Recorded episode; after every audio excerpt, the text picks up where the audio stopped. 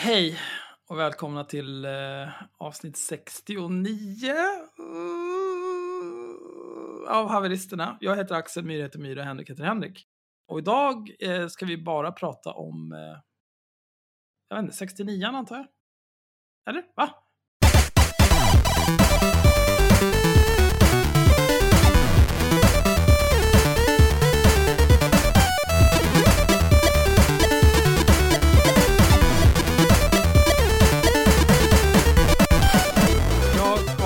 Tror att jag nämnde det kort i förra avsnittet kanske. Jag har varit med i Jannik, vad fan heter han, Svensson?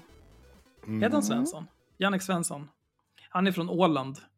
Och han har en podd som är en kopia på Hur kan vi? Som är en kopia på The Joe Rogan Experience. och det har liksom blivit, Joe Rogan Experience är ju inte bra. Eh, Hur kan vi är inte bra. Och det enda avsnittet av eh, Jannik Svenssons podd Samtal jag har lyssnat på är det avsnitt där jag är med. Det är det enda hela avsnitt jag har lyssnat på. Och det är otroligt bra, främst för att jag är med. Jag, Så jag vet inte. Du låter extremt vän i den här podden. Ja, men det var ju för att jag tänkte... eh, Alltså när, när vi började med den här podden, då, då satt jag ju bara och pratade med er liksom. Du hade inte servicerösten på. Nej, jag hade inte serviceansiktet på mig för att jag kände äntligen är jag ledig och får dricka sprit och vara mig själv och leva life. Eller vara den del av mig själv jag är när jag dricker sprit med mina kompisar. Mm, den arga Axel. Men han blev Ja, lite chockad jag- tror jag av hur, hur vän och snäll du var. Jag vet inte vad det säger om hans kognitiva förmåga, men han kanske tänkte att jag alltid är så här, att jag går till jobbet och så här, ja den jävla horunge, har du förstört din dator nu igen? Ja, jag har sett det här och din jävla fitta, ska jag fixa den, din dumma jävla apa. Men det riktigt så är det ju inte. Men det där är väl problemet med att liksom ha en publik persona. Är ju att folk tror ju att du är så jämt. eh, Alltså grejen är, jag skulle säga att den jag är i podden är en väldigt privat persona. Det är bara att det har blivit på det här viset. Det är liksom, det finns eh, sitta framför dattan och dricka sprit-Axel och snacka skit om folk på Discord eller i podden eller whatever. Det finns eh, Axel går till jobbet och Jo, absolut. Det där, vi, vi, vi kan ju testa och, och forska lite grann i om vi går att lösa det där på något smidigt sätt. Jag återkommer nästa vecka så bokar jag ett nytt möte så får vi se. Det finns den Axel. Det finns Axel som kan en massa förkortningar för datagrejer. Eh, det finns Axel som bara vill kasta hotshots in i ansiktet och bete sig illa. Det finns Axel som inte vill gå upp på morgonen. Axel som eh, idag var vuxen och tvättade och vek all sin tvätt och inga konstigheter. Sa trevlig kväll till gubben som satt och tittade på tvättmaskinen medan den rullade. Sådana här grejer. Det, det är väldigt olika. Jag... Ja, men det är den komplexa Axel. Ja. Axel gör saker. Ja. Axel dricker sprit och kukar ur. Men hon... eh, Lyssna på Jannik Svenssons podd Samtal så får ni höra honom verkligen eh, tvinga till sig att jag ska säga neger.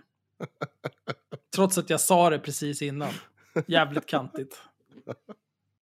det är så jävla konstigt. Han lät verkligen lite kåt av att du, både att du sa neger och att du sa horunge. Det var liksom så här, satt han och tog sig på Alltså på grejen är så här. Ja. Det sjukaste med att spela in podd med honom, det var att han hade kuken framme hela tiden. Det är så jävla sjukt Fast beteende. du borde ju vara van vid det. Med henne, alltså, som vi har poddat med Henrik nu i snart tre år. Jo, men nu, jag slipper ju se Henriks tomteluva. Alltså Jannik satt ju där på andra sidan bordet, en och en halv meter bort, kuken framme. Neger, horunge, uh, marxism.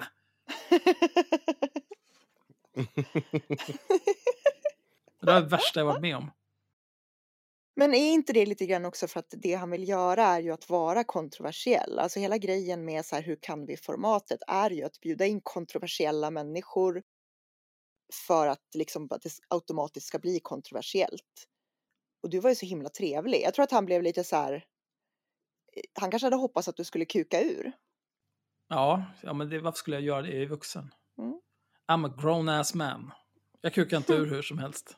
Det gör jag på mina villkor. Mm. När jag, när jag kollade på vilka andra som hade varit gäster, det var ingen där som var särskilt kontroversiell. Det var liksom olika typer av Ålandsprofiler.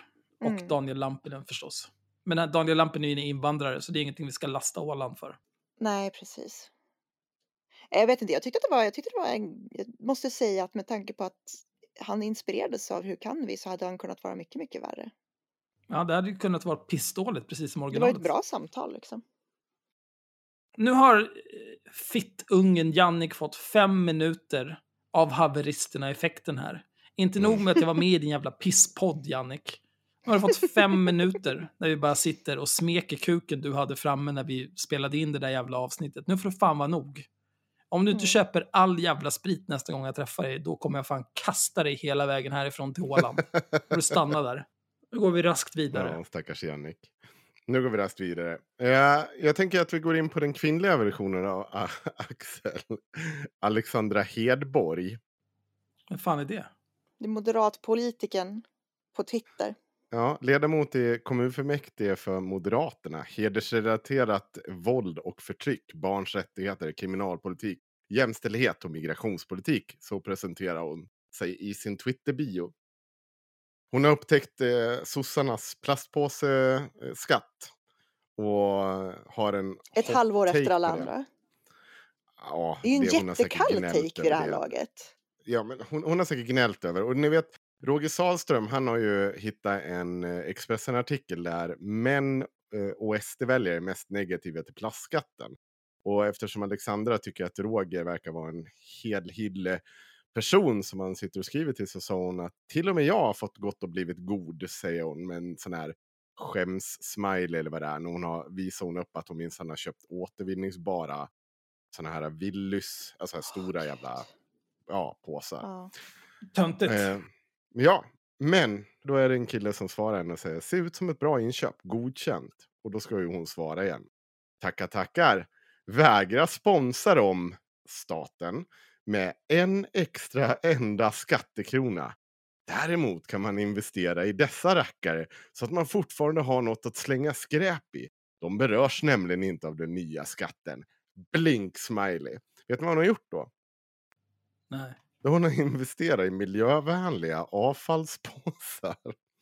Jaha, sådana som typ decomposar på ett, halvår Ja. eller något. Mm. Ja. Ja. ja, det Du var ju vet- det som var poängen din dumma jävel.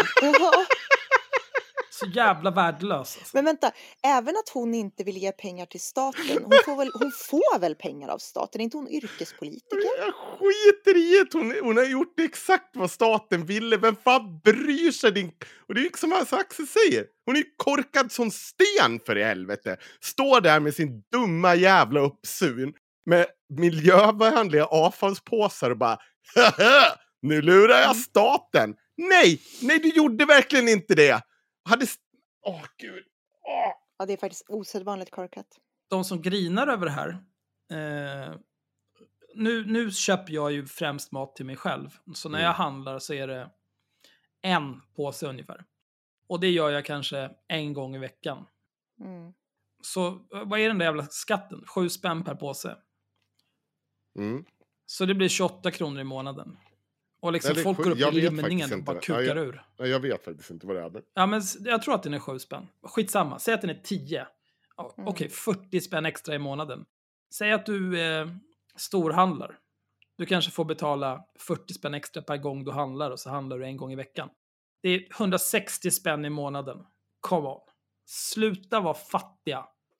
Jag kan säga att om du storhandlar så har du oftast såna här jävla återanvändningsbara påsar ändå, för det får plats mycket mer i dem. Ja. Ja, men det är liksom, det är så lite pengar. Vem fan bryr sig? Stoppa sakerna i väskan. Ja, det här kom, det, ah, det, det, är som porrfri barndom. Så här, ah, det, här, det här är en klassfråga. Nej, det är inte en klassfråga. Sluta. Men de har ju tydligen 49 glömt spänn i det nu månaden för också. porrfilter. Ja. Ja, nu hävdar de ju att eh, en av myterna kring porrfilter är att det skulle vara dyrt. Och det är ju deras argument, för de är ju så Ja. jävla pantade. Håller på och försöker skamma alla operatörer till att erbjuda gratis porrfilter. tror i och för sig att det, det de menar är att det, det ett av argumenten som används, som jag bland annat har ifrågasatt, det är ju precis det där eh, om, en, om kommunerna ska hålla på att upphandla porr, alltså speciella filterlösningar från enskilda aktörer. då kan det bli dyrt därför att då krävs det ju en utredning på kommunnivå som tar en massa tid, kostar en massa pengar och sen så kommer de garanterat få tag på någon jävla datakille som råkar vara kusin åt någon i, i kommunfullmäktige som säljer typ en upphottad gratistjänst för 3 miljarder kronor. Jag har skrivit en extension här i Chrome. Ja, för det är så datakonsulter jobbar, det är så de tjänar pengar. Hörru, snacka inte skit om oss. Ja, men det är sant. Det är vi som bär samhället. Vem av oss är det som har en. Rolex? Ja, det är ju jag givetvis. Ja, precis. Men jag har ju förtjänat den. Ja, precis. Genom Vet att du ta vet du- ockerpriser. Jag lät bli att köpa fyra plastpåsar och sen köpte jag en Rolex. För så här- dyrt är det med plastpåsar nu för tiden. Jävla sossarna. Jag, jag vill bara säga, varför är det så, som sista grejen om det här som jag har att säga, är varför är det så att högern blir så obstinata barn? Har de blivit ytterkantshöger bara för att de ser sossarna som någon så här förälder som de ska göra tonårsuppror mot? För att det här är ju, Rebecca Weidmo gjorde ju när de skulle börja, vad fan var det de skulle göra? De skulle höja bensinpriserna. Då går hon iväg och köper en jävla stadsjeep och bara kolla här, nu jävlar ska jag köra Det var stadsjeep. inte, det var inte bara en stadsjeep, det var en, en riktig jeep. Ja, okej. Alltså märket jeep. Kreddigt som fan. Mm. Mm. Och så skulle hon ju gloatande så här, nu, nu ska jag förstöra i miljön. Där fick de. Men hon har också liksom- hållit på med det här hälsningar kötthögen och, Ja, och visar upp bilder på kött när det är någon skola som ska införa två vegetariska dagar i veckan. Så här, vad fan bryr sig? Men det är som Vem en, bryr sig? Hur kan du engagera dig här? hur pinsam är man om man liksom som politiskt engagerad 45-åring håller på med någon så här förlängd tonårsrevolt i sociala medier? Alltså, ja, äh, det är så dumt. Jag, det enda jag kan säga, det är, det är synd att hon har köpt en jeep. Hon kommer ju inte dö i en trafikolycka. Inte i den där jävla bilen. Men jag hoppas att hon äter tillräckligt mycket kött för att få tarmcancer. Det, det unnar jag Jag henne. tar avstånd. Jag tar avstånd. Mm. Men hörni, jag tänker att vi ska inte låsa oss. Det finns liksom, nu har vi lyckats gå hela vägen runt eh, porrfri barndom här. Och, eh, Men vet ni, vet ni vem, vem mer som har cancer? Oj. Vet ni vem mer som har Nej. cancer? Vem? jag Nej, vem har mer cancer? Jag- jag tar avstånd nej, direkt. jag tänker inte. Vadå? Jag backar. Linnea Claessons, Linnea Claessons barnkompis.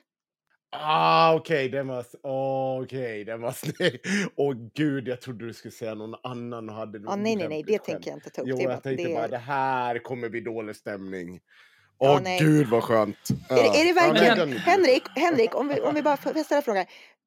Om vi tänker så här, vem av oss tre brukar ha mest, minst problem med att hålla nivån? Va? Jag tror inte att det är jag som har mest problem med att säga eh, ogenomtänkta saker som man måste ta avstånd från. Nej, men jag vill prata om Linnea Claessons kompis eh, som har Mm. cancer. Ja, ja men hon, hon var väl frisk eller?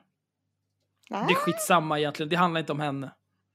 Allting handlar om Cissi Wallin, men just den här gången så har hon lånat ut sin star power till Linnea Claesson och Wilmer kaffebar. Nu gör ju du reklam för dem. Eh, Klippar kvinnan, kan du blipa det där? Jag vill inte göra reklam för samma ställe som Linnea Claesson. Ta bort det här. Jag ska gå dit, den här avsnittet är publicerat, då ska jag gå dit, spela upp det här och ska jag säga nu vill jag ha en blåbärsmuffin och en stor latte. Fort ska det gå, jag tänker inte betala en spänn. Jag vägrar gå dit för att de har såna här, eh, såna här liksom heterosexuella jävla här ska man inte sitta med dator och mobil, här ska vi prata med varandra som att de var jävla kärringar från 1930-talet. Och jag vägrar. Boomers. Jag vägrar. Det är som att mobillådan var årets julklapp. Den där fy teknikfientliga jävla svenne-skiten om att man ska umgås istället för att använda te- teknik. Från mina kalla döda händer tar ni min mobil alltså. Fy fan. Bort från Jag mig. ska skratta så jävla gott åt de här människorna när jag blir cyborg sen. Mm. Men vad, vad är det som har hänt då? Vi har ju en, har, det är ju en grej. Ja, Linnea Claesson ja. Ehm, Mm. Ja, alltså jag vet inte, vill våran, vill våran Linnea Claesson professor återberätta eller Nej. ska jag berätta? Nej, det var, jag la inte in den här. Det här får ni berätta. Ja, men jag kan Jag ta tänker det. ta på mig det. Ja. Linnea Claesson har, eh, hon har fått ett fint brev av en åttaårig flicka. som har haft levercancer hoppas jag. Jag, jag hoppas att hon är frisk nu. Mm. Hon fick ett brev åt ljus och en förfrågan om att tända ljuset på internationella barncancerdagen. Det var ju väldigt fint. Jättefint. Och Linnea svarade också väldigt fint. Jag Mm. skrev då till henne och frågade om vi inte skulle ses och tända ljuset tillsammans.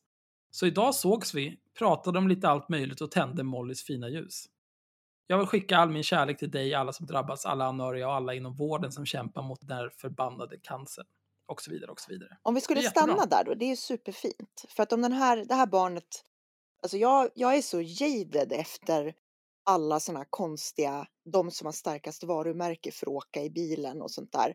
Att jag typ funderar på om sånt här är, är PR-setups, om allt i hennes liv är en stor PR-setup numera. Bara för att hon ska se bra ut. Men om vi förutsätter att oavsett det så är det ju jävligt fint för det här barnet att få Mm. träffa en person som de tycker som de har sett på tv kanske. Eh, och sådär. Och det är säkert också bra för Barncancerfonden. Ja, De har säkert precis. fått in skitmycket deg på grund av det här inlägget. Ja, och det är jag glad över. Så att så här långt så gör ju Linnea Claesson allting rätt. Ja. Fast det här är ju inte originalet. Nej, nej. Nähä. Från början så stod det om, nu har nu såklart, eftersom, jag fan att jag aldrig lär mig de här, alltså alla de här människorna. Jag redigerar aldrig någonting. Jag tar aldrig bort någonting. Jag, om, om jag någon gång har haft fel, då står jag för det. Så skriver jag, ja ah, okej, så kanske det var, men du är fortfarande en jävla horunge.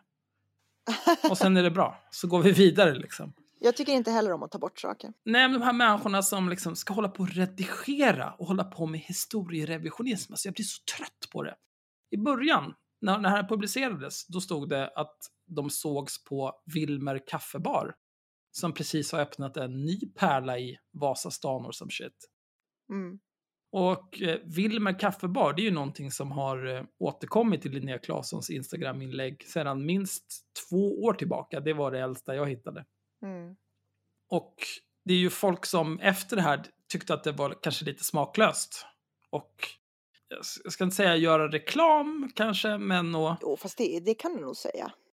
ja, men är det viktigt liksom att säga vart ni var någonstans och att de har öppnat en ny pärla någon annanstans? Liksom. Det, det är lite mycket. Eh, handlar inte det här om en åttaåring som har haft levercancer och att det är förjävligt att barn får cancer och att det Mm. ska vi göra någonting åt? Är det inte det som är grejen här och inte Wilmer fucking kaffebar? Det kändes lite som att hon ville slå två flugor i en smäll liksom. Och så blev det bara en jättebackfire av alltihopa. Ja, men då, då till Linnea Claessons heder så gjorde hon en Mea Maxima Culpa, redigerade inlägget, bad om ursäkt och, och skrev någonting om att så här, jag tänkte inte på att det var så det kunde tolkas. Bla, bla, bla. Det, är- det är strålande. Fast är det till hennes heder verkligen? För att det är så här hon gör varje gång hon får kritik. Hon backar ju på en gång och pudlar och bara oj nej så där menar jag inte, nej jag gjorde fel.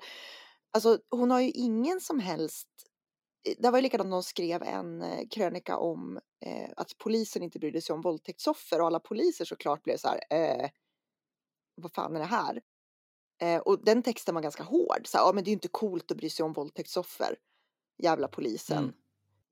Eh, och sekunden hon fick mothugg så bara, åh nej men jag menar verkligen inte sådär. Och så är det ju med män nu också för att hon har fått skit för att hon är manshatare. Så nu ska ju alltid lista så här, åh alla fantastiska män, tack till alla fantastiska män. I precis allt hon gör. Så jag Ja. vet inte om det är hedervärt, hon är ju bara liksom Nej, men just här, just här tycker jag att det kan vara, det känns okej. Jag... Fast let it vad, vad var alternativet liksom? Nej, det fanns ju ingen annan utväg. Nej. Eh, folk hade också kontaktat ägarna till Wilmer Kaffebar som, och frågat om de var om de sponsrade Linnea Claesson, vilket jag tyckte var absurt. Om du tänker liksom en före detta elithandbollsspelare med 200 000 följare på Instagram som kan fakturera sexsiffriga belopp till eh, eh, skolor och kommuner där hon föreläser. Sa jag sponsrad av Adidas? Mm. Nej. Jag sa det igen nu i så fall. Mm. Att, att hon skulle vara sponsrad av något, liksom, något jävla café, det är ju Jag- helt jag- enkelt inte rimligt. Det är så tror- jävla dumt att ens fast- tro det. Fast det jag vet inte jag tror att Linnea Claesson har sagt ja till precis alla erbjudanden hon har fått i hela sitt liv. Jo, men vad är erbjudandet här? Du fikar gratis for life. Ja, ja. Ja, i och för sig, det är väldigt liten ansträngning att, att göra en Ja. Instagram-post och tagga Wilmer kaffebar. Ta en bild. Mm. Här är min latte och blåbärsmuffin. Mm. För det, det är det där som är grejen. Hade hon bara liksom, hade hon inte varit dum i hela jävla huvudet och totalt empatilös så hade hon ju faktiskt, alltså hade hon bara gjort det här inlägget som det som du läste upp nu och sen hade hon geotaggat att de var på Wilmers kaffebar, då hade ju ingen noterat eller brytt sig. Nej.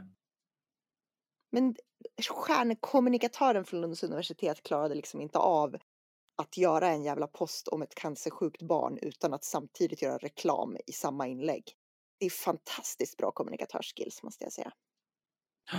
Vad kunde gå fel? Mm. Apropå den här Molly som... Jag hoppas att hon är frisk nu, men om hon inte har det, då önskar jag inte thoughts and prayers till henne, utan jag önskar resurser. Ja. Resurser. Lös det där. Ge en slant till Barncancerfonden. Vet du hur mycket skatt jag betalar? Kom ihåg att märka det med haveristerna när ni betalar in det bara så att inte Linnea Claesson får cred för det. Jaha, nej, det var inte så jag tänkte. Jag, jag tänkte på skatt. Jag betal, betalar skatt. Det där ska vara löst. Ja, gör det också. Det finns äldre människor som har cancer som vi inte behöver. Så är det. Okej. Nej men vadå, så är det. Det är inga konstigheter. Ja, Ja, ja. Frågan är om vi behöver åttaåringar som har Linnea Claesson som största idol. nu börjar det bli mörkt här. Mm. Eh, jag, jag tycker inte att man som åttaåring förtjänar att dö i cancer för att Nej. man gillar Linnea Claesson. Jag tycker att det är väldigt fint av dig, Axel, att ta Vad i ställning i det här. helvete är det modigt. frågan om? Ja, eh, jag, jag, står, jag går i bräschen för det här. Åttaåringar har rätt till liv och, och ett friskt liv. Det, där vågar jag sticka ut hakan och säga, jag är inte rädd. Ner med cancer, ta bort det dåliga, upp med det bra, bort med det tråkiga. Jajamensan, sån är jag. En risk-taker. En, en maverick. Kommentera ett hjärta på det här inlägget på Facebook om Ja. ni håller med. Smash that like button. Om du inte klickar like när vi delar det här på Facebook, då tycker du det är bra att barn får cancer. Och då tycker jag att du kan dra åt helvete. Din jävla kackerlacka. För fan. Jävla monster. Ja, jag, för- jag förstår inte varför man måste hata barn och önska döden på dem. N- Någon måste ju få fängelse för det vi sysslar med. Nej, för fan, jag måste swisha till Barncancerfonden nu och lösa det. Fan, vi? Det här är inte bra alltså. Nej, jag mår inte bra jag heller av det här. Jag känner att kan vi gå rast vidare? Ja, Vi går kan, raskt vidare. vi kan gå rast vidare till någonting som faktiskt är värre, skulle jag säga. Jag vet inte. Ja, En barncancer? nej, nu känner jag att det här, ingenting kommer gå bra efter det här nu. Det här Nej. vart inte alls bra. Varför gjorde vi så här? Det här var inte Ja, det nej, vi kom dumt. överens om när vi skulle spela in det här avsnittet. Det är så här att eh, i ett avsnitt för, vad är det, avsnitt eh, 66 tror jag det är, så diskuterade vi eh, eh, Della Q. Eh, eller som vi kallar dem, Della Q-kuven. Kommer ni ihåg det? Mm. Vi diskuterade eh, det här konstiga i eh, att göra hela jävla någons liksom privatliv, någons alkoholism, någons ätstörningar till content och liksom bara kavla ut det inför alla. Vi, jag tror att vi påpekade då i det avsnittet att det var alltså Bianca, eh, vad heter hon, Bianca Meijer? Meijer ja. Eh, hon vart eh, helt överrumplad i ett avsnitt från, jag tror det är första november 2019. Där hennes poddkollegor helt plötsligt vänder sig till publiken och berättar att Bianca inte äter som hon ska. Och det blir väldigt, väldigt konstig stämning i den där, uh, ja men liksom Var det- i den där podden. Var det live? Det var... Inför alltså- publik? nej, det var inte inför publik, men Ah, det var ju alltså, ute nej. inför publik. Ja, men bara tänkte, jag, jag ser bara framför mig hur... Alltså tänk, vi ska ju livepodda på Bonden den 28 mars. Slutsålt på mindre än 10 timmar, ingen stor grej. Big, kind of a big deal, men okej. Och jag bara ser framför mig eh, om, om jag hade någon typ av problematik, förutom att jag är bäst i världen. Och någon av er tog upp det, då hade det ju skett ett mord. Det Men du behöver jag inte oroa dig Axel, för jag har, jag har samlat en perm på båda er som jag bara kommer att liksom Ja. sätta mig och läsa upp på scen. Absolut, men då åker jag bort till Liljeholmen och hämtar ut mina stridshammare ur magasinet. Så löser vi det på en gång. Hur som haver, eh, snabb recap. Bianca blir liksom helt överlumprad. det hör man ganska tydligt i inspelningen att det är ingenting de har tagit upp eller diskuterat och helt plötsligt så blir det någon slags intervention i den här podden. Jag sa vid förra inspelningen att jag, jag vet ju inte huruvida Bianca har godkänt det här. Jag, vet, jag hoppas för hennes skull att hon har det. Jag vet fan inte om hon har gjort det. Hur som haver, de kavlar ut det här. Vid nästa avsnitt så är inte Bianca med. Istället så hoppar de på Sveriges Radio och börjar anklaga dem för att de är dåliga arbetsgivare när man har en alkoholiserad medarbetare. Väldigt märkligt när man i avsnittet innan använder liksom sin liksom publik som någon slags intervention crowd. Väldigt och märkligt. den alkoholiserade medarbetaren är väl Moa Wallins och Anna Björklunds kollega i Tankesmedjan. Precis. Eh, ja. Men Alex och Sigge också, alltså Alexander Schulman och Sigge, vad han nu heter efternamn, har också uppmärksammat det här. Och um, det har blivit en stor grej. Och det är vanligtvis så kanske jag inte lyssnar så jättemycket på Alex och Sigge, men jag tyckte det var intressant för att jag såg att även Bianca Meijer själv tyckte att det här var ett intressant samtal. Så, till, så mycket att hon pushar för det. Eh, jag såg också att hon inte följer varken Moa eller Anna Björklund. Och nu har hon även tagit bort Della Q i sin presentation. Så jag gissar på, och jag, jag tänker, jag tror inte att det är många som är villiga att satsa pengar emot mig nu. Jag tror att Bianca har hoppat av Della Det var ju helt ja. tyst nu. Ja. Nej. Eh, jag kan säga att Alex och Sigge har väl samma take som oss. De tycker också att det är ett sinnessjukt att de gör content. Och det är ju, alltså när man lyssnar på det. Jag, jag tror jag lyssnar på just det där nu fem gånger. Det blir ju som ett jävla, det där, det där jävla trainwreck. Man kan inte titta bort. Det är så absurt när de liksom bara hoppar på henne i podden och bara hänger ut henne totalt.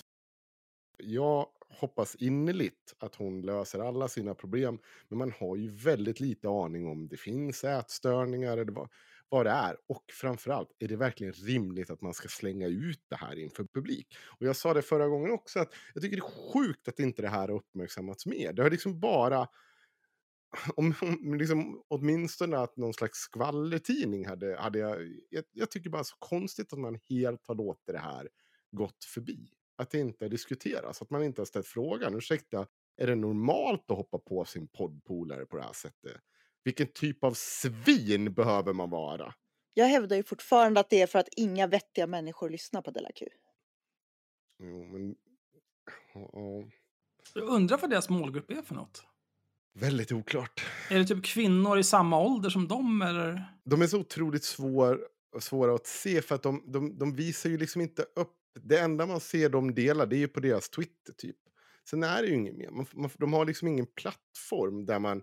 Det är typ Flashback man kan sitta och läsa. Och det enda de gör där det är att sitta och berätta om hur trist det är att Bianca är borta och att hur dåliga Moa och Anna är själva. Och typ att Mo Anna är ett svin efter den här uh, grejen hon hoppar på Bianca.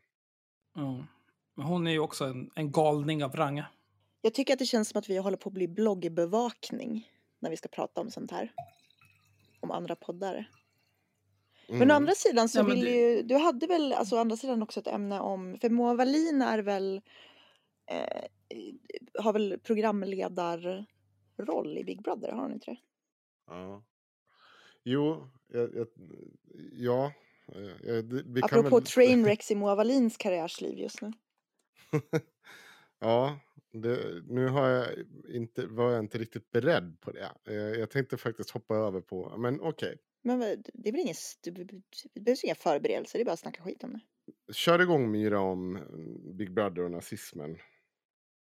Moa Wallin har ju varit, har jobbat in som programledare till den nya säsongen av Big Brother.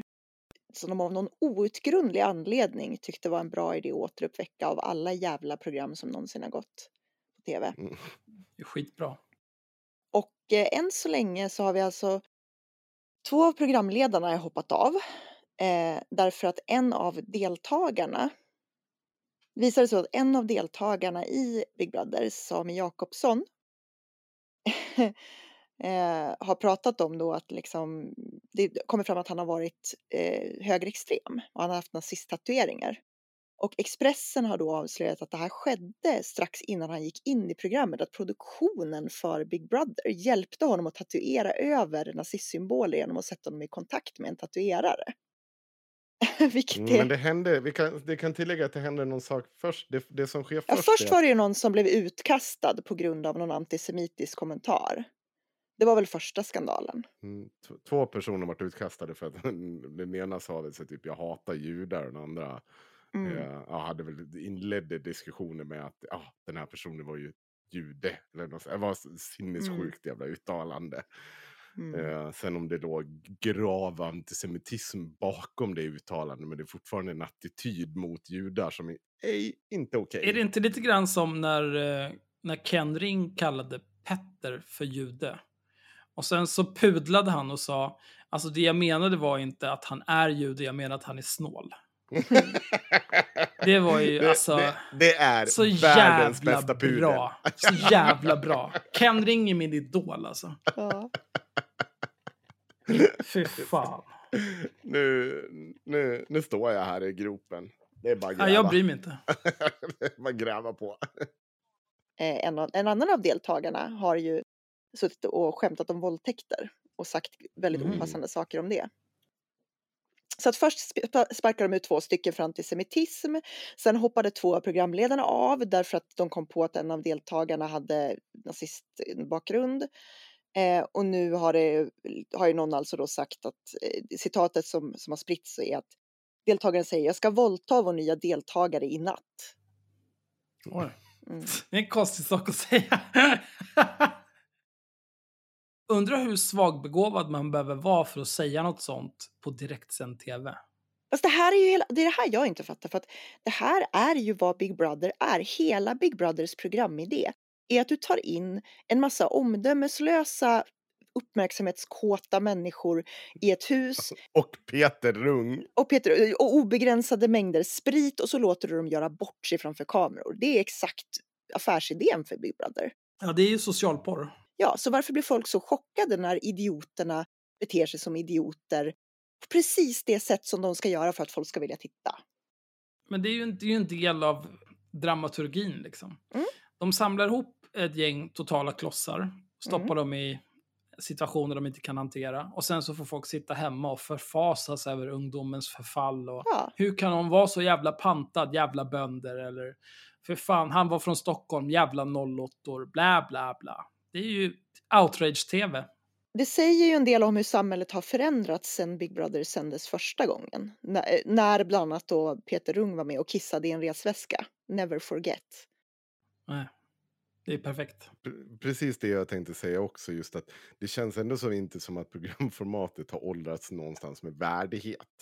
Att Nej. det funkar inte att bete sig så här. Det, folk kommer liksom åka ur.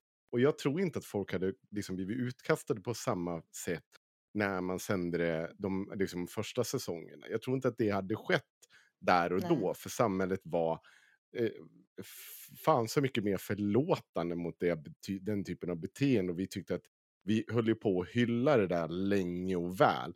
Var du liksom en småalkoholiserad Sundbybergsbo som liksom gillade att vifta med Oj. kuken i tv, då, det, var liksom, det var tre säsonger av baren. Du var, Jag känner, många, jag känner många trevliga människor från Sundbyberg.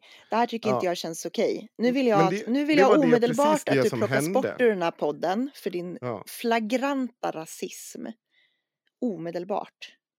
Men en viktig sak att tänka på här, det är ju de här två som har hoppat av. De hoppade Mm. ju inte av eh, på grund av de här olika kommentarerna om judar, utan de hoppade av för att någon, som, som jag förstår det, så det här är en person som har varit med i olika typer av realityserier tidigare, Nå någonting som heter Raggarjävlar som jag aldrig har sett. Mm. Då hade han olika typer av Hitler-tatueringar synliga. Sen har han i efterhand vuxit upp och slutat heila. Täckt över några av dem själv eller gjort andra tatueringar, inte fan vet jag. Mm. Eh, och sen så var det någon tatuering han hade kvar innan han skulle gå in i Big Brother-huset. Som han ville få övertäckt innan han gick in. Och då fixade produktionen det åt honom Mm. och satte honom i kontakt med tatuerare. Det känns som att han borde känna en tatuerare, men okej. Men den stora grejen här är ju att om man tar honom seriöst, vilket är svårt att göra med tanke på alla omständigheter. Mm. Men om man tar honom seriöst, då är han ju inte... Om, han nu, om det nu var så att han hade, var, hade högerextrema åsikter tidigare, då, då tycker jag ändå att hans agerande visar på att han har vuxit upp och slutat bete sig som en jävla apa och kanske vill vara en del av samhället istället för att bli fotad av eh, vänsterbanditer på NMR-demos när han går tillsammans med olika typer av hobbitar och idioter. Och då att så här, ah, nej men jag, nu tänker inte jag vara med i den här produktionen längre för att här finns det någon som tidigare har varit högerextremist men som inte längre är det och som inte längre vill ha med det att göra. Nej, men det här kan inte jag ta del av. Är Fast- du dum i huvudet? Jag har två invändningar mot den här. I sak håller jag med dig om att man måste, människor måste ju kunna vara nazister och sen sluta vara nazister och få göra precis samma sak som alla andra vanliga vettiga människor. Men jag har två invändningar mot det här. Det första är att snubben är 25 år, vilket innebär att vi får ju anta att han har skaffat de här nazisttatueringarna efter att han har fyllt 18. Det tror jag inte. Så då är frågan, ja men jo, Alltså, alltså han är ju en jävla bonde. Han gjorde dem säkert på en hemmafest när han var 15. Nej, de är inte, han har ganska mycket tatueringar. Men skitsamma, vi, om, vi, om vi ponerar att, att vi kan till och med ge honom att han gjorde dem när han var 15. Det var tio år sedan. Hur många år sedan var han slutade vara nazist? Jag, jag tycker inte det spelar någon roll. Mm, jag tycker att det Jag- jag spelar tycker- lite roll. Alltså jag, jag ser det så här. Antingen så finns det en väg tillbaka in i samhället, att du kan återintegreras efter att du har varit eh, nazist, islamist, whatever. Jo, Eller så finns det inte det. jo, men, men alltså nu- det är ju inte, jag, jag tolk- ju, Jag, men jag tolkar det han gör nu som att han inte vill vara en del av en högerextrem miljö, att han inte hyser högerextrema åsikter längre av. Och då får man väl liksom ta honom på orden tills han fuckar upp om Jo. det är så att han hittar på och ljuger. det är, Annars det, så måste vi börja skjuta av alla nazister, för det, då, då, då har vi accepterat att de inte går att återintegrera i samhället Fast- och att vi fast det inte är vill ganska ge dem den chansen. det är ganska stor skillnad på att, att så här, men vi ska inte skjuta av dem och att säga ja, du har rätt att synas och bli en publik person med synliga nazisttatueringar. Hörni, Fast han har ju inga synliga nazisttatueringar. Jo, för det är min nästa poäng. Men min nästa Jaha. poäng är så här, när han var med i Raggarjävlar så hade han fortfarande synliga nazisttatueringar som han visade upp som syntes. Han har lagt upp bilder på Instagram där han har de här tatueringarna synliga så sent som 2019. Och det är så här, om du nu har varit nazist, inser att fan det här var ju inte så bra, så skulle inte jag sitta och lägga upp bilder på nazisttatueringar. Nej, men, men det är ju innevarande år. Alltså någonstans valde han ju, om han nu har gjort det, jag vill inte vara nazist längre, jag vill inte ha nazisttatueringar. Då får man väl ta det för vad det är liksom. Men det är ju samma i raggarjävlar. Här står, han har ju också stått med någon så här jävla vit maktbands logga på en tröja i raggarjävlar. Jo, men när var han med i Raggarjävlar? kan, kan jag få... Jag har sett Raggarjävlar. Jag reagerade redan då i Raggarjävlar att han, de, det var ganska ogenerat sprang runt med de här olika typerna av nassegrejerna. Eh, Mm. Men däremot, Raggarjävlar tror jag är inspelat runt 2017 kanske. Jag tror att den kom början 2019 kanske jag såg den dokumentären. Det är en SVT-dokumentär. Mm. Svinbra! Jag rekommenderar er att se den faktiskt. Ja, det kommer aldrig hända. Ja, men jag tänker så här hörni. Nu, vi ska väl, nu har ni två fått argumentera. Jag ska säga att jag är lite, jag är faktiskt lite, jag försöker inte vara diplomatisk nu. Jag håller med Axel. Jag tycker att du måste få ge upp ditt, med ditt förflutna. Sen när det kommer fram att TV4 liksom paniktatuerar över den här skiten innan han ska gå in i, i, i huset. Det känns ju lite sådär. Äh, eh!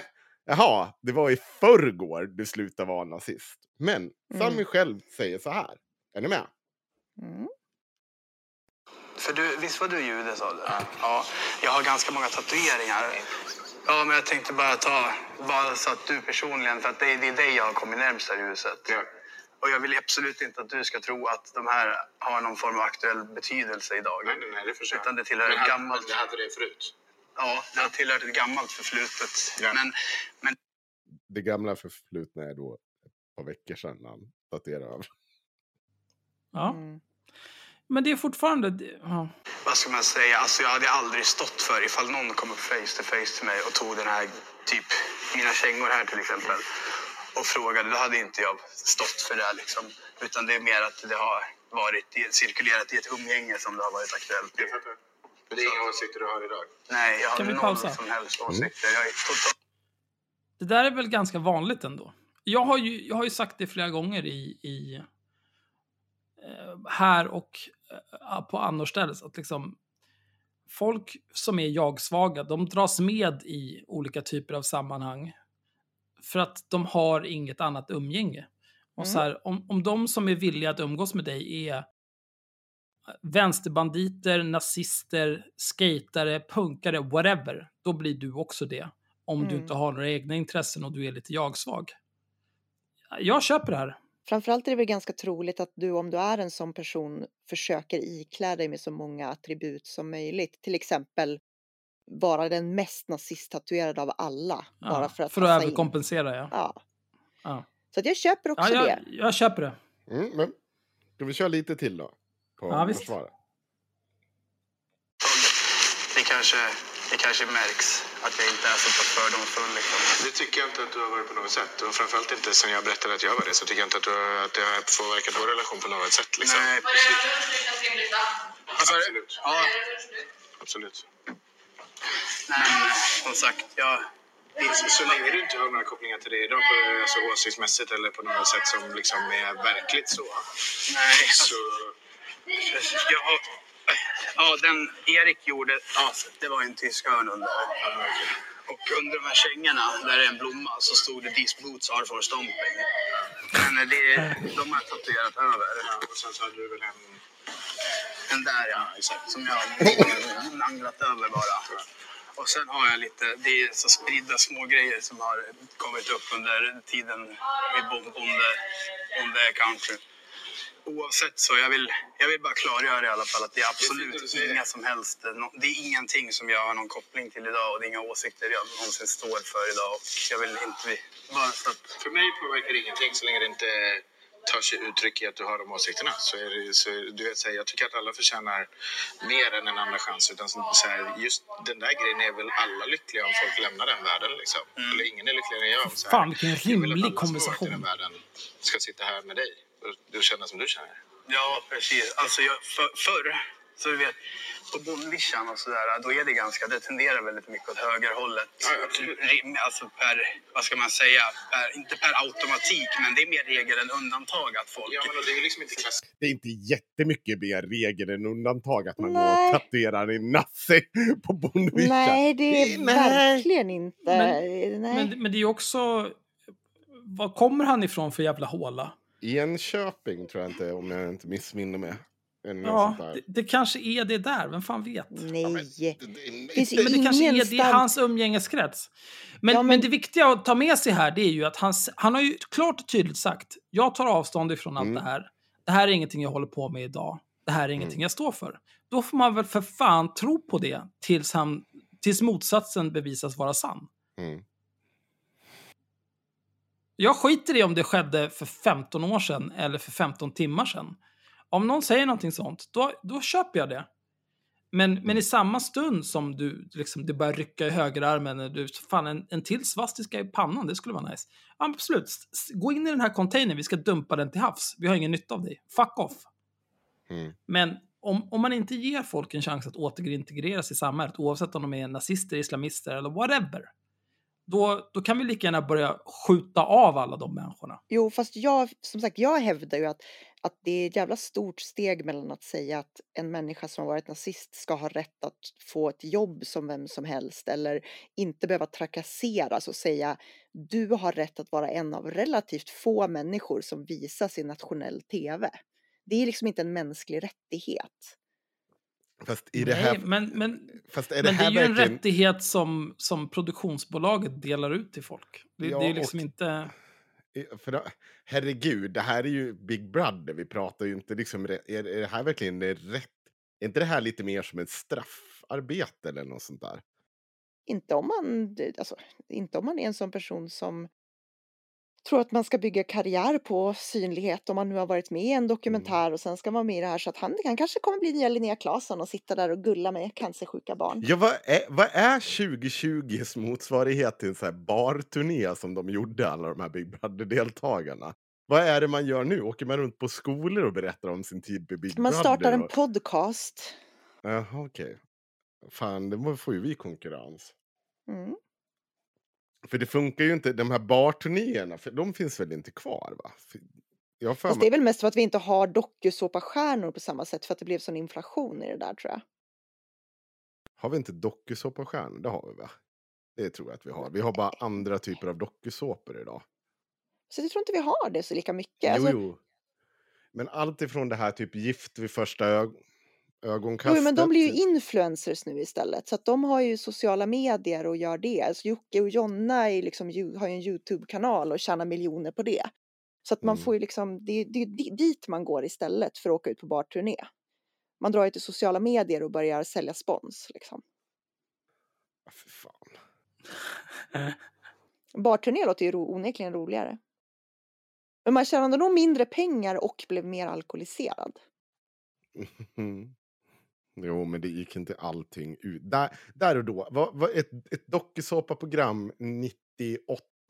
Vad, var- det gick Mm. ut så här, hej, vi, vi, du, vi kallar det här Villa Medusa. Vad ska vi göra? Ni ska åka till Gran Canaria. Vad ska vi göra där? Ni ska Supa. supa. Göra bort er. Ja, och ni får lite pengar att supa för. Och sen kommer ni få gå runt och göra olika typer av uppdrag. Ja, vad är de uppdragen? Gå och städa någonting bara. Sen går ni och Ja. super, så filmar vi det. Kör i vind. Mm. Kör i fucking vind. Men den där typen... Sen, bara, sen, sen kom de på, ja men vänta, sen kom de på bara, ja, men ska, vi, ska vi verkligen bussa iväg dem till Gran? Sätt dem i en bar, filma dem dygnet runt, kör i vind. Ja, men fan det är bra tv. Men det är därför jag inte riktigt förstår varför man tänker att Big Brother ska vara så här superuppskattat nu, mer än av nostalgifaktorn. För att allt det där har vi ju, i och med sociala medier har vi redan tillgång till allt det där 24-7. Förut var det ju Mm. liksom på, på tiden när första Big Brother släpptes, då var det ju lite exotiskt därför att du fick se folk som var fulla och gjorde bort sig. Nu räcker det ju att gå in på typ folks sociala medier när de filmar när de är fulla och gör bort sig. Lyssna på haveristerna. Ja, till exempel.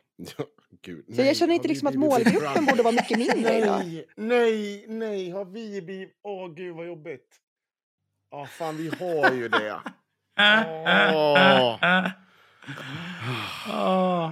Ja. Jag tycker det är bra. Du kan trösta dig med att vi, vi tjänar mer deg per avsnitt än vad någon av alla de där avdankade dokusåpaskådisarna tjänar på en hel jävla barsäsong i Åre. Nej, men hörni, jag tycker att eh, vi hastar vidare. Jag vill liksom, den insikten kan jag lä- lämna här och sen kan jag gå in och typ Mår du dåligt? Ja, jag mår dåligt. Jag mår Ja, otroligt bra. dåligt. Jag ska säga en sak. Jag faktiskt eh, kikar in i vår tråd på Flashback. Eh, Ja. och vi har fått lite kritik. Åh gud, vem fan det, bryr är sig? jag. det är jag som har fått kritik. Eh, men jag, jag tycker att den är en, en grej som jag, jag tror faktiskt inte vi har tagit upp det. Och den är väldigt, väldigt intressant. Och för er som då ehm, inte är Patreon så är det så att vi har släppt ett Patreon-exklusivt avsnitt om Malcolm Chiene. Om jag uttalar det rätt, jag vet inte. Ja, det var, aning. det var nog ganska nära. Ja, okej, kul. eh, han tycker att vi ska ha olika typer av progno- progromer Pogromer. Romer. pogromer för att rensa samhället för, från äckel och starta om och få typ någon slags likvärdig bas där vi då liksom, människor ska få ha konsensus gällande regler. Jag tänker inte gå in på det jättenoga. Eh, ni måste bli Patreon om ni vill lyssna på det här avsnittet där vi går igenom hans bakgrund och varför han hamnade i tankesmedjan, eh, vad heter den? Hus någonting? Oikos. Oikos, det var, det var något grekiskt i alla fall. Mm, Mm. något Det är klart det var något grekiskt. Oipidus. Men ja, jag, jag tänker, det här, den här kommentaren ta- tangerar på lite om Malcolm och då fick vi eh, kommentaren är så här. Okej, nu ska jag skriva så här. Henrik är en sosse. Han är inte vänster i traditionell mening. Henrik är LO, medelklass och resursstark. Jo, jag tackar jag. Mm. Här händer det. Fast är du det? Ja, jag vet inte. Jo, det är han. Ja, jo, det är. Ja, just det. Du köper ju en ny båt varje år. Mm. Han har pool, han har pool och hus och, eh, och en chefslön. Så att jo, han är resursstark. Två hästar. Ja. Är det två hästar två nu? hästar nu Mm. också? Mm. Alltså det här är ju Det helt det sjukt. Det vara. här är ju det här är någon sorts jävla hoarding du håller på med för att fylla hålet i din själ eller någonting. Mm. Alla de här jävla Ja, djuren. Nu, tänker, nu tänker jag läsa klart här. Jag vet inte exakt vad Henriks tankar om Cheyenne är, men jag, mi- men jag gissar på att de inte förstår sig på varandra. Nej, det fan sant. Henrik är snarare någon som gråtrunkat till sossarna skulle haft 58 procent av väljarna. fan Ja, det är också det, är bra, förmodligen bra, sant. det är bra kommentarer på Flashback. Ja. Det är förmodligen sant det här.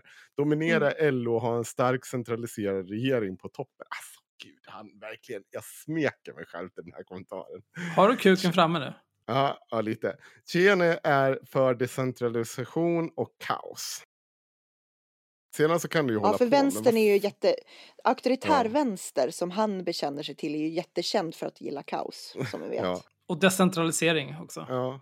Nej, men det, det jag, jag vet. Men sedan så kan de hålla på med vad fan gör han i en konservativ tankesmedja? Det enda anledningen till att Malcolm börjar prata om den konservativa arbetaren är för att han drömmer om att den sagda arbetaren kommer göra revolution. En tanke som inte exakt går ihop med konservatismen. Då grunden till den snarare är att man, vill, att man inte vill avrätta drottningen. Jag tycker det här är en fantastisk kommentar. Jag kommer inte ihåg vad du hette, men du ska fan ha cred för den här kommentaren. Eh, Du känner förmodligen igen det. Eh, Und so weiter. Däremot så vill jag, jag kommer att tänka på en sak som vi inte har tagit upp som vi, jag vet att vi har fått kritik för flera gånger. Eh, Eller i alla fall, folk vill gärna... Vältajmad gäspning. Ja, det var väldigt... Jag ska säga så här, jag var ute, jag var ute och festade igår och jag känner att när det blir för ideologiskt nu så zonar jag ut lite grann. Nej, jag tänker mer, jag vet att vi har fått kritik. Det Ja, behöver det en gäspning som- för att Mm. fuck all y'all. Jag kunde inte bry mig mindre. Nej, men det, den här påklistrade kritiken om, eller halmgubben, att vi skulle vara helt oförstående inför den konservativa arbeten och att den, liksom, det, här, det är det här de gärna vill förklara om att SDs framgångar med, vilket stämmer till viss del. Och så säger de att ah, sossarna är helt förgåtts, eh, förgå, det är som är helt förgångna, de förstår inte den konservativa arbetaren, de förstår inte att arbetarrörelsen är konservativ i sin själ och, och, ja, och så vidare. Vad, eh, vad betyder konservativ i den här kontexten? Ja, men att du gärna vill ha det som det alltid har varit. Du vill ha en stark stat, en stark ledare, du vill ha ordning och reda, det ska inte förändras. Bögarna tillbaka till garderoben, ni ska inte springa runt med era jävla löjliga färger på gatorna. Kvinnor, mm, Så som Kan jag tolkar den, den ner lite? konservativa arbetaren. Mm. Det är säkert någon typ av klassförakt i det här eftersom jag är höginkomsttagare nu. Men det, det jag tänker, ja precis, den inskränkta arbetaren. Mer någon som är liksom, har något, någon typ av blue collar jobb och är fördomsfull. Mm. Gillar inte islamerna. Gillar inte Mm. bögsen. fast det är det inte heller. Jag, jag, kan, jag kan ge Ärtsoppa och pannkakor på torsdag, annars jävlar. Nej, men jag För jag, för jag menar, den konservativa arbetaren i, i den mening att så här, ja, Moderaterna är det nya arbetarpartiet. Bäst att rösta på dem så jag kan få ett par hundralappar extra i plånboken. Det är ju den pantade arbetaren. Jag tror att det finns en viss overlap mellan intolerans och pantade eh, människor. To be fair. Mm. Ja, men jag kan ge ett Sant. exempel. Eh, Det fanns, eh, när jag föreläste väldigt mycket om, inom LO om rasism, och det alla vi gör sken av det är att jag sprang runt och bara skrek att SD var dumma i huvudet.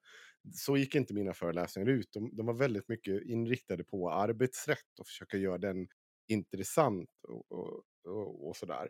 Eh, men då var det så här att det här hände mer än en gång. Eh, att jag stötte på människor med invandrarbakgrund som kanske mm, kom från forna Jugoslavien eller så vidare. Eh, och så sa de alltid så här när, jag, eh, när vi liksom höll på i diskussion om vad som var svenskt och så vidare så sa de men jag är för fan inte svensk. De har väldigt eh, starka åsikter i det. Eh, och det här var inte bara en person utan det var ett gäng under de åren jag höll på.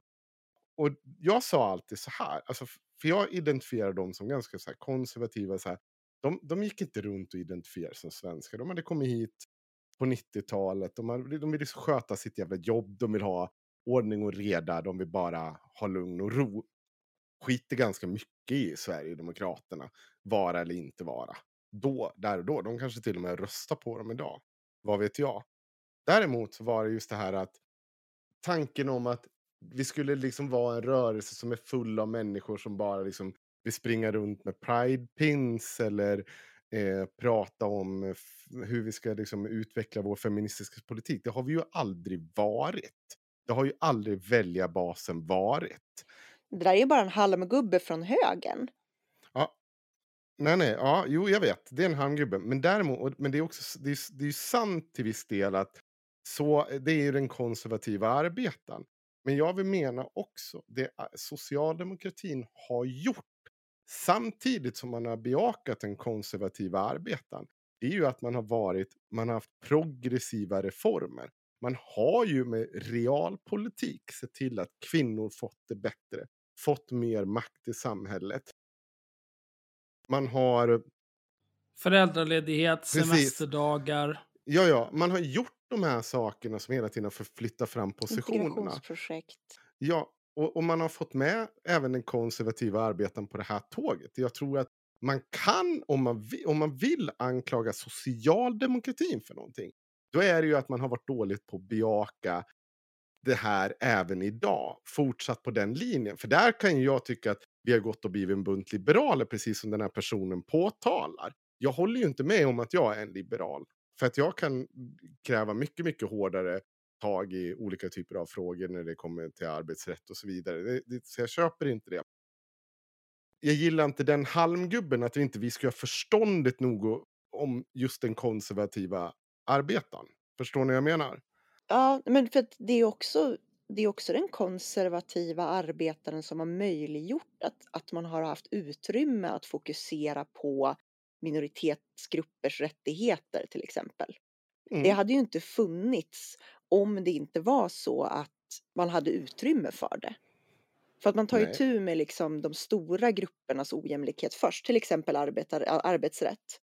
Och sen Mm. när de människorna, när plötsligt halva Sverige tillhör någon sorts medelklass eller över eh, i många fall så, så är det så här, ja men då kan vi, då, då kan vi liksom titta lite grann på de här specifika smågruppernas rättigheter.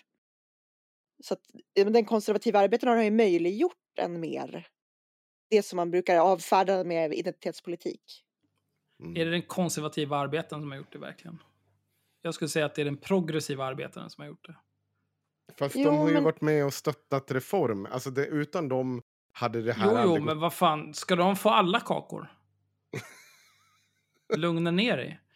Det är så här, det, jag ser på det här så här. Eh, om man inte är förståndshandikappad, då begriper man att allting vi har idag i Sverige, allt ifrån kvinnlig rösträtt, nej, för kvinnlig rösträtt, det var borgarkvinnorna som ville rösta Mm. men insåg att de inte var önskvärda, så de drog med sig arbetarklassens kvinnor som var många, många, många gånger fler och så fick de rösträtt. Till eh, semester överhuvudtaget. Andra semesterveckan, tredje, fjärde, femte semesterveckan, aborträtt. Sjukförsäkringar, A-kassa. pensionsförsäkringar, a-kassa, sänkt pensionsålder. Allt, allt som gör, avgiftsfri utbildning, avgiftsfri sjukvård. Allt det här som gör Sverige till Sverige. Det som diverse högerspöken nu grinar ögonen ur sig över att det håller på att förstöras. Allt det här kommer från socialdemokratin. Allt! Det är bara att titta på vad högerpartierna idag, hur de har röstat historiskt i allt det här. När det kommer till, allt! De Liberalerna har varit mot varit allt. med. Nej, Liberalerna Mm. har varit med i det här. Men liberaler är inte människor, så de räknas inte. Ja, okej. Mm. Och, och hålla på och låtsas som att högern har några svar på någonting. När det enda de har gjort är att försöka knulla folk. I över i hundratals år har de knullat folk i det här landet. Socialdemokratin har givit oss allt vi har. Så är det. Det är bara att acceptera. Sen att socialdemokratin idag är helt fucked och värdelös. Det är en helt annan fråga. De behöver ta sig samman, det har jag sagt många gånger. De behöver ta sig samman, vaska ett val, vaska en mandatperiod. Ta er samman, kom på vad ni vill, formulera ideologi ni kan stå för, bygg politik på det, gå till val på det och vinn, förhoppningsvis. Mm. Och det här är en av anledningarna till att Daniel Suhonen borde vara med i vår podd och svara på alla de här frågorna och berätta vad reformisterna vill om det här. Eller åtminstone svara på mitt fucking mail som jag skickade för en vecka sedan. ja. Det, är, det, det, är ingen, det är ingen stor grej. Du kanske är rädd Daniel, jag vet inte. ja, men vad bra. Eh, jag har inte så mycket mer att säga. Jag tycker att det, det har framgått det jag vill ta fram. Lyssna på Patreon om ni vill höra när Malcolm Sheene diskuterar hur men vi behöver lite utrensning. Jag tror att det är Tjejune. Tjejune. Ja, jag, vet, Jag har en- fan, jag måste youtuba när han säger sitt namn. Jag har en fråga. Hur kommer det sig att varje gång någon, något jävla skåp ska ställa sig och prata om olika typer av utrensningar av människor så är de oanställningsbara idioter. Nej, inte idioter nödvändigtvis, men helt oanställningsbara människor som inte bidrar med någonting i praktisk mening till samhället. Vad tänker du på nu? Nej, alltså jag tänker så här. Om man nu ska börja rensa ut människor. Jag hade någon så spaning om att det är så jävla ofta som människor som blir nazister inte själva lever upp till de här idealen som man säger ska vara eh, liksom lägsta nivån för samhället. Till exempel så hade jag någon spaning om att rätt många av dem som Eftersom, eftersom mycket av den här jävla högerextremistiska grejen bygger på att ställa utsatta grupper mot varandra så bidrar det också till att folk som egentligen inte alls skulle klara sig undan att skickas till någon typ av läger om nazister tog över går till nazisterna. För att de tror att de är ett mindre hot än innevällarna. Och jag tänker så här, i ett samhälle där man ska börja rensa ut folk till det här kommunistiska auktoritära paradiset som Malcolm vill ha. Hur många tänkare som sitter och tycker så här självgoda tyckerier om samhället behövs i ett sånt samhälle? Han har väl liksom aldrig haft ett jobb? Just, just Malcolms liv skulle ju vara förverkat i alla versioner av det samhälle han eftersträvar. Ja, det, det är det Det, är- det är ju bara i Sverige och liknande länder som någon, någon jävla brillorm som aldrig har gjort ett hederligt handtag i hela sitt liv ska Mm. gå runt och berätta för arbetarklassen vad de ska tycka. Det är bara där de kan existera. Annars blir de ju ihjälslagna, för ingen pallar. Någon måste ju skriva Pravda i framtiden också. Ja, det kommer ju inte vara Malcolm, för att han skriver alldeles för långt och för dumt. Det måste vara någon som har lite singers. Mm. Typ eh, Marcus Allard skulle kunna göra det. Lite Ja, han är väl mer karismatisk som talare också. Om jag inte minns fel. Mycket, mycket bättre. Mycket, mycket bättre. Fortfarande en komplett idiot, men mycket, mycket bättre. Mm. Mm. Jag vill prata om att SD är fascister. Mm. Ska vi ta Palmeutredningen då innan? Nej, men det finns... Ja, ah, okej. Palmeutredningen, antingen så kommer de åtala någon som är död innan Mm. sommaren, eller så kommer de lägga ner Palmeutredningen 34 år senare. Mm. Undrar hur mycket deg det har kostat den där jävla utredningen. Apropå Marcus Allard, ska vi bjuda in honom? Ja, Mm. varför inte? Ja, kan vi.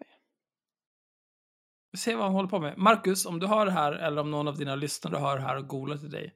Du är välkommen att gästa Haveristen om du vill. Mm. Vi har ungefär tre gånger fler lyssnare än vad du och Malcolm har, så att det är nog i din, ditt intresse att vara med. Kan du komma hit och döma ut oss? Biatch! Jag skulle vilja prata om varför Örebropartiet hade så jävla dåliga posters förra valet. Med Peter Springare på. Ja, de har inte jag sett. Åh nej, Peter Springer är med i Örebropartiet. Mm, han var en av Han är frontfigurerna. ju tarded.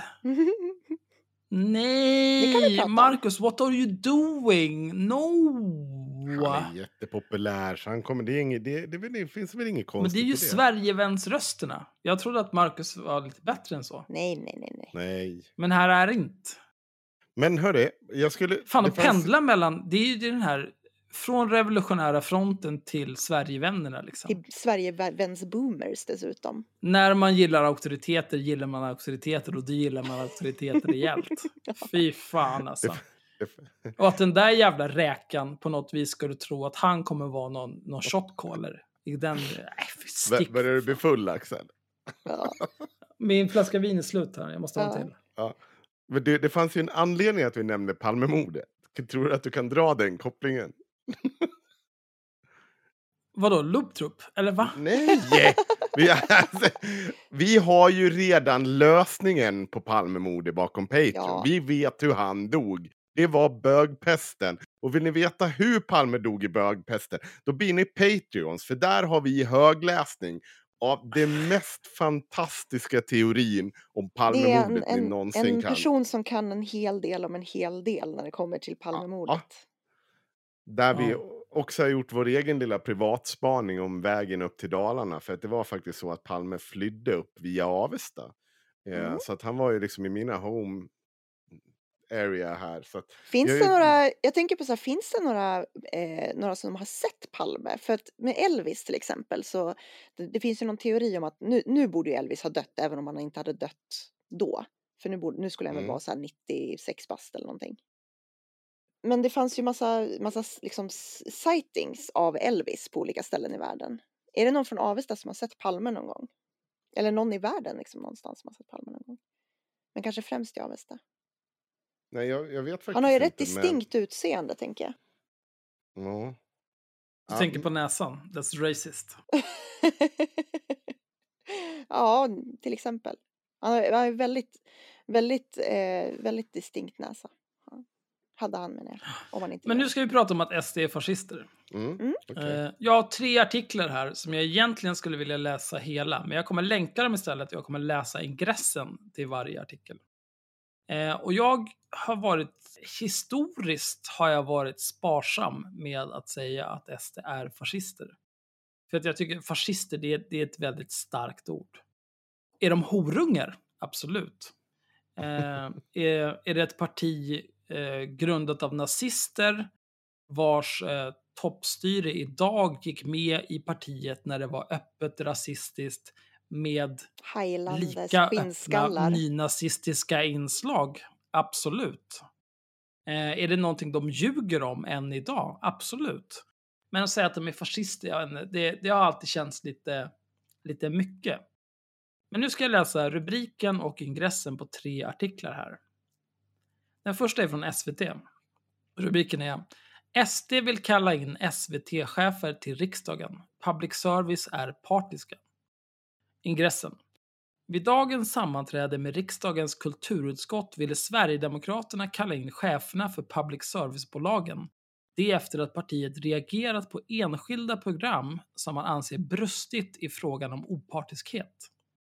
Det här är inte acceptabelt, säger kulturutskottets ordförande Christer Nylander från Liberalerna, som ser utspelet som ett försök till politisk styrning. Det är så jävla dumt.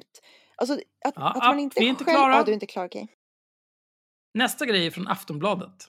Bandidos topp friad för 37 skjutvapen. Av nämndeman som citat gillar Bandidos. Ingressen. Polisen, polisen slog till mot en enorm depå med illegala vapen. En man med en ledande position inom mc-gänget Bandidos friades dock av tingsrätten. Nu vill åklagaren att rättegången tas om. Orsaken är att en av nämndemännen upprepade gånger har uttryckt sitt gillande av Bandidos i sociala medier, enligt åklagaren. Gissa vilket parti som har tillsatt den här nämndemannen. Som i så många andra fall där nämndemän beter sig som totala jävla apor och är totala jävla skåp. Mm. SD. Om vi vill ha ett rättssäkert samhälle, då kan vi inte ha kvar nämndemannasystemet. Det är skräp. Jag tror att vi har pratat om nämnd- nämndemannasystemet i ett annat avsnitt någon gång. Ja, det har vi gjort. Ja. Men ska vi ha kvar nämndemannasystemet, då kan inte ett jävla fascistparti som SD få tillsätta nämndemän. För det här går inte. Det är för dumt. Det är alldeles för jävla dumt. Men eftersom vi Nu håller på tar att vi sista texten. Men du får ju kommentera. Jag vill kommentera Ja, jag får första. kommentera, men det är för att det är mitt ämne. Det är därför jag får kommentera. Okej. Du får inte än. Sista texten är från Akademikerförbundet. SD Hörby hotar medarbetare och fackligt aktiva. Det är rubriken. Här kommer ingressen. 25 chefer har slutat sedan SD tog över i Hörby för ett drygt år sedan. Medarbetare vittnar om mobbning, kränkningar, trakasserier och förtal. Fackliga förtroendevalda blir hotade av ledande företrädare för kommunen där de uppmärksammar situationen, vilket är särskilt allvarligt eftersom facklig förtroendemans ställning är lagskyddad. Till det kommer att kommunledningen medvetet rundar lagar för fackligt inflytande. Situationen är ohållbar. Mm. Bränn upp det här jävla skitpartiet. Får jag kommentera nu? Bränn upp deras företrädare. Varsågod. Hur kan man inte se själv ironin i att ett politiskt riksdagsparti vill kalla in public service och sätta dem på plats för att de inte har varit tillräckligt politiskt neutrala? Alltså, då, då, det är ju liksom, då, då, då jobbar du ju med politisk styrning av public service direkt. Ja, ja. Det är ju raka motsatsen till det de säger att de vill göra. Absolut. Men det är inte förvånande å andra sidan, för att det är ju precis det här Ungern har gjort. Ungern började ju sparka regimkritiska journalister ur public service. Men de, men de vill ju att Sverige ska bli ett u-land som Ungern. Ja. Där vi har liksom Jimmy Åkesson Orban. Fast han ska ju pensionera sig för att han är upptagen med sitt spelberoende eller är utbränd eller whatever. Att han inte vet vad han håller på med eller någonting. Och så ska Mattias Karlsson ta över eller någon av de andra jävla clownerna. Jag, kan- jag kan ta två stycken här bara. Mm. Det här är inte acceptabelt. Vi ska ha fri media och journalistisk frihet, inte politisk inblandning i vilka program som görs eller vilka programledare som finns, säger Christer Nylander, ordförande i kulturutskottet och kulturpolitisk talesperson för Liberalerna. Det här är anmärkningsvärt. Vi har aldrig varit i en situation tidigare där man kallar in någon aktör till ett utskott för att man har problem med programmens innehåll. Det är att gå långt utöver vad politiken ska göra, säger Lawen Redar, kulturpolitisk talesperson för Socialdemokraterna. Det finns ju instanser som hanterar det här med om man tycker att ett specifikt program, där har de sagt någonting som var för jävligt och så vidare. Då, det är bara att anmäla skiten. Men att politiker kallar in de här personerna i ett fritt och demokratiskt samhälle där vi har oberoende media Mm det är oacceptabelt, fascisthoror. Det blir inget. Mm. Jag, är liksom, jag har ett jobb att sköta. Jag har inte tid att bli terrorist och börja spränga saker bara för att ni vill göra oss till ett jävla u-land. Jag har ett jobb att sköta för att driva det här jävla landet. Mm. Väx upp och skärp er! Det är ju det där med den jävla offerkoftan liksom. Där man så här, ja men okej, vad är nästa grej då? Om någon säger ett elakt skämt om Sverigedemokraterna så ska man blipa om det. Så då kan vi plötsligt inte göra politisk satir överhuvudtaget om riksdagspartierna i Sveriges, i Sveriges Television Nej, längre, vilket vore Absolut inte. vidrigt. Ja. Här är ett, ett stycke från artikeln om nämndemannen som tycker att Bandidos är coola kids. Mm. Av materialet framgår, enligt åklagaren, att nämndemannen vid fyra tillfällen har gillat bilder som en Bandidos-medlem har publicerat på Facebook mellan mars 2016 och november 2018. Under ett foto, där medlemmen bär en tröja med Bandidos-emblem, har nämndemannen skrivit citat “Coola killen” Snygg t-shirt slash tröja, slutcitat, enligt materialet. Åklagaren anser att nämndemannen, som är SD-politiker, varit jävig, citat, då han i sitt agerande på sociala medier visat tydliga sympatier för Bandidos, slutcitat. Enligt dokument som lämnats in till hovrätten. Jag, jag vet inte, alltså en nämndeman som sitter och dömer i en svensk tingsrätt som tycker att medlemmar som tillhör organiserade, organiserad brottslighet är coola killar. Eh, vad håller ni på med? Väx upp! Väx upp! Han ska in i en container och han ska ner i Östersjön. Det här är skräp. Skräp. Mm. Ja, det är Ja. egentligen allt jag har att säga. Men Ja. från och med nu så kommer jag inte ha några problem med att säga att SD är fascister. För att de tillåter den här skiten. De enablar den här skiten. Den här skiten är inte okej. Bränn upp dem. SD har Ungern som föregångsland. Titta på Ungern, hur det är nu, så ser vi precis var vi skulle vara rent politiskt om SD skulle få inflytande i Sverige. I Ungern och Polen är ju deras föregångslängd. Ta, ta och titta på vilka som är Europas största tiggare. Titta på vad EU-pengarna går. Det är inte till Sverige. Sverige degar. För Sverige går det bra. Titta på vilka u-länder som får alla jävla pengar. Kan de sitta där? Orban. Orban. Kan vi inte ta in, eh, vi kan väl ta in Turkiet också? Så får ni Erdogan också. En till jävla fascistfitta. Fy fan alltså. Vilket jävla pack. Hur fan kan man tycka att, oh, fan Orban. Vilken jävla karakar. Vilken rädd liten jävla horunge han är Orban. Ja, nej, ingen får kritisera mig i media. Mitt, mitt lilla ego blir stött. Oj. Fjant. Mm. Samma sak med lag och ordning i Polen. Också ett jävla uland. Ett jävla skräpparti. Det är bara skit. Framförallt så kan man titta, kan man se ganska tydligt hur det har påverkat minoriteter och kvinnor och alltså ja, det är ganska deppigt faktiskt. Är det inte i Polen de har börjat med hbtq-fria zoner nu? Var i Polen? Eller är det i Ryssland? Polen. Polen. Det var Polen va? Ja, Mm. för jag visste, jag var Det här är en hbtq-fri zon. Helt. Good fucking job. Mycket bra. Det är lite lustigt att liksom vi har människor som, eh, som så här, ja men det är, det är faktiskt bara islamister som vill kasta bögar från hustak. Sverigedemokraterna borde vara det bäst bögvänliga partiet. Bara. Fast nej, för det är så här det blir. Ja. Det, det är konstigt också med Polen, för att de borde ju ändå skämmas fortfarande över hur snabba de var att sälja ut judarna under andra världskriget. Jag tror att det har gått tillräckligt lång tid. Preskriptionstiden har gått ut. Jag vet inte. Jag har ju varit i Warszawa och sett eh, gränsen där, eh, runt eh, det judiska gettot där. Mm. Det är ju en ständig påminnelse för de här jävla människorna. Och i Warszawa har de ju också Stalins gåva, ett pissfullt jävla hus som de inte rev efter kriget. Jag hade rivit det direkt. Vad är det för skit? Bort med det här. Mm.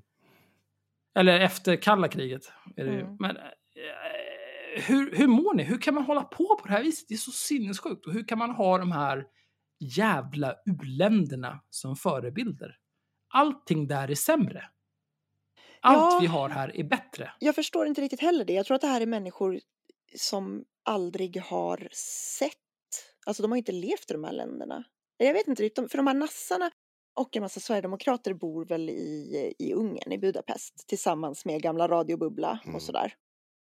Mm. Men å andra sidan så är väl de, måste ju de vara relativt välbeställda där eftersom det är ett jävla u-land. Så att det räcker ju att du har liksom en ganska medioker svensk lön så är det ju förmodligen i- en liksom övre King klass. of the hill. Men Ja. ja. det är det som är grejen med alla de här. Till exempel Daniel Friberg bor ju där sedan länge. Men han har ju liksom inkomster från ett riktigt land. Mm, Han har ju sin töntiga, vad fan heter de, Arktos. ja. Säljer olika typer av böcker till mongolider. Med liksom fontstorlek 36 för att de ska kunna hänga med.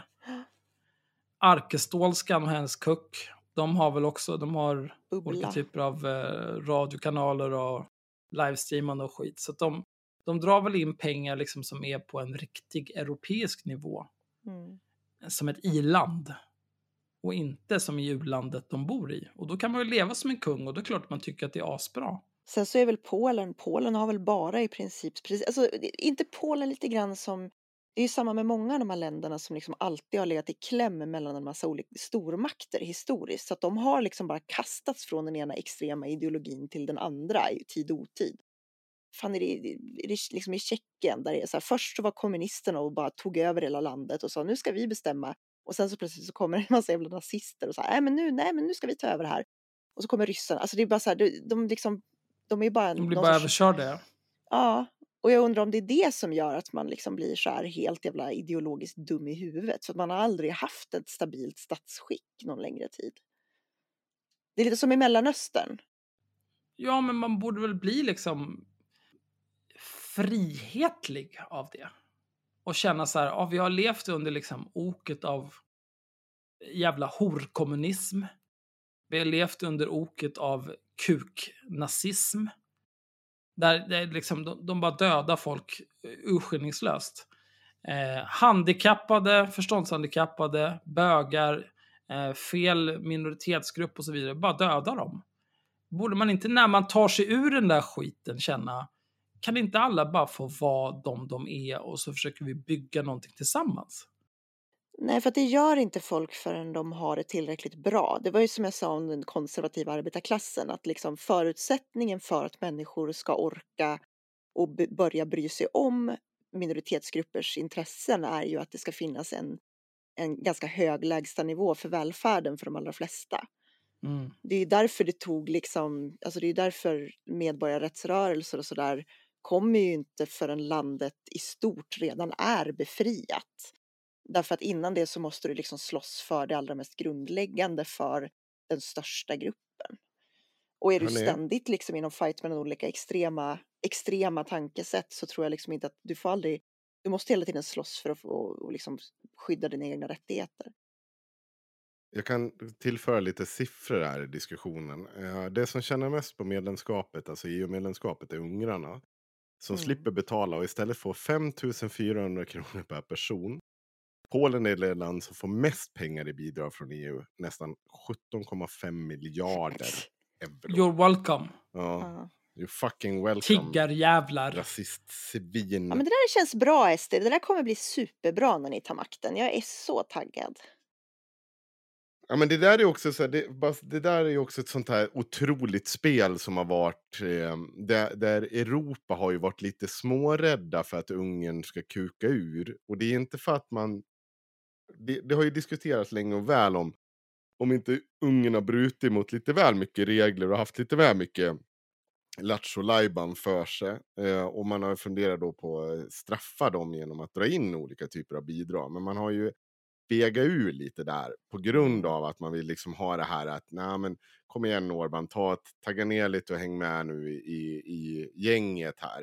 Men det funkar ju inte så bra så jag säger så här, bränn dem. Det ska inte dit Fast någon det, ner det där är ju också med just Ungern. Ja. Där är, EU har ju varit massiva horungar där också. De har ju skyfflat hur mycket pengar som helst till Ungern för att Ungern ska förstärka sina gränser. Och Ja, ja. hålla alla som vill hit utanför. Mm, Och sen så kan EU låtsas som så här, nej men det kommer inga flyktingar hit. Sen är det konstigt, de bor i olika typer av tältläger vid en jävla mur utanför Ungern. Så det är ju inte så att Ungern och Polen är ensamma med att vara horungar på världsscenen. mm. Horungar finns det överallt. Ja, jag vet att Jenny... Framförallt i Bryssel. Mm, Vad fan heter hon? Jenny Wrang... äh, Vad fan heter hon? Jenny Wennberg skrev en bra artikel om det i Arbetarbladet om att Ungern avdemokratiseras och EU finansierar det hela. På samma Ja, resonemang. ja, men så är det ju, 100 procent. Mm. De får bra jävla mycket pengar från... Men ja, det är vad det är. Ska vi hoppa Ja, vidare? Det vi borde nu. göra är ju förstatliga Ungern. Ja, men iväg In och, lyft, ja, men in och lyft bort Orban bara. Jag måste sticka, men ni, ni kan väl köra vidare i vanlig ordning. Jag måste eh, lämna plats. Gör det, gör det. Men Axel, vad säger du? Ska vi köra 40 minuter Patreon på det här? Kan vi inte göra det? Ja, vi gör det. Vi gör Ja, det. vad Vad, ska vi prata om Ja. med Patreon då? Eh, Cissi Wallin har ju varit och bada. Vill hon i alla fall lura på oss att hon har varit. Hon har, inte, hon har aldrig hon har, varit och hon har inte badat varit hela och badat. sitt liv. Nej, det är bara trams. Fan, hon smälter väl i vatten, den jävla häxan. Som en, som en brustablett. Ja, fy fan alltså. Men häxor, vänta, hon brukar ju Men säga du, att hon är en häxa. Hur är det med häxor? väl? Flyter de? de flyter väl? Ja, just det, det är sant. Eh, vi, vi binder henne armar och ben, kastar ner henne i ån. Om hon sjunker, då var hon oskyldig. Och då är det bra, då kommer hon till himlen. Flyter hon, då hänger vi henne. Så är hon en Ja. anka. Nej, men vi kommer ta Ja. upp två riktiga sociala mediekändisar. Det blir både Cissi Wallins eh, krönika eh, och eh, Joakim Lamotte. Och följa upp den, den eh, fallet Rolf som han har dragit igång med den Mm. hemlösa mannen och fortsätter haverera i kring. Så att om eh, ni blir patrons så kom dit. Puss och kram. Tack för ikväll. Det är klart vi inte kan sluta på det här. Det går ju inte. Varför är du så jävla arg? Det sista jag gjorde innan jag skulle spela in var att jag, när jag skulle flytta min laptop till där jag spelar in så lyckades jag tappa laptopen. Så att hörnet landade på min mobilskärm. Och så spräckte jag Jag mobilskärmen. blir så jävla arg. Så jag är på jättedåligt humör nu. Åh, Gud, alltså hur mår jag, be- vi du? behöver också in fler patrons så att jag kan byta ut skärmen på min mobil. Åh, Byta ut skärmen på din mobil. Det är väl bara kasta mobilen och köpa en ny. Vad skulle Greta säga? Fuck Greta. Jag fick, den här mobilen fick jag ju i julklapp. Jag kan inte byta ut den redan. Det, det vore ju fantastiskt. Varför inte? Vad är det för mobil? Det är en Samsung S10. S10. Inte ens en Samsung S10s. Skicka skiten. Vad är det för jävla garbage? Ja, men Axel, Axel behöver en till Rolex. Jag behöver en ny mobilskärm. Vi har alla saker här i världen som vi Jag behöver. så behöver fler patrons. hästar. Oj, Ja, fler hästar. nej, Vad kostar jag- en häst? Ja, de är svindyra. Jag behöver betala för hästarna. En större häst kanske så att du slipper släpa knäna i backen. Moonshine är stor. Vi ska lägga på här nu Mm. och starta en ny inspelning för Patreon-avsnittet. Om eh, Cissi Wallin går till ett badhus i sin fantasi. och en uppföljning om Rolf. Mm. Mannen, myten, legenden, eh, Lamottes nya födokrok. Eh, och under tiden så ska jag lyssna på lite M.O.P. Jag ska gå på toaletten och jag ska hämta en till flaska vin. Lycka till med det där Henrik, det blir nog bra. Vad är det här för kränkning? Försöker du insinuera att jag inte kan podda två flaskor in? Jo, då, jag, vet, jag vet att du kan podda två flaskor in. Ja. Det är precis därför jag Jag säger är- lycka till. Jag är ett geni. Jag är ett Skönt att vara geni. nykter i de här sammanhangen nu för tiden känner jag. Varför är du nykter? Är du någon typ av bög? Ja. Okej. Extremt töntigt. Eh, fantastiskt, eh, fantastiskt bra jobbat alla inblandade. Nu går jag och eh, hatar livet en stund. Ja. Och gråter över min mobilskärm. Tack för den här tiden, kära lyssnare. Uh, unna er att bli Patreon så jag slipper bli förbannad. Då har ni bögpestavsnittet, varför Olof Palme var dog. Ni har Malcolms, eh, han ska ha någon slags program, ja, folk ska dö för att vi ska få ordning på samhället. Och ni kommer ha ett pinfärskt pa- Patreon-avsnitt. Ja. Och även Linnea Claesson, perm 4 och 5. Mm. Icke att förglömma. Nej, precis. Ja, Okej, nu räcker det. Puss och kram, Sieg Heil. Hej då. Henrik, säg hej då. Hej då.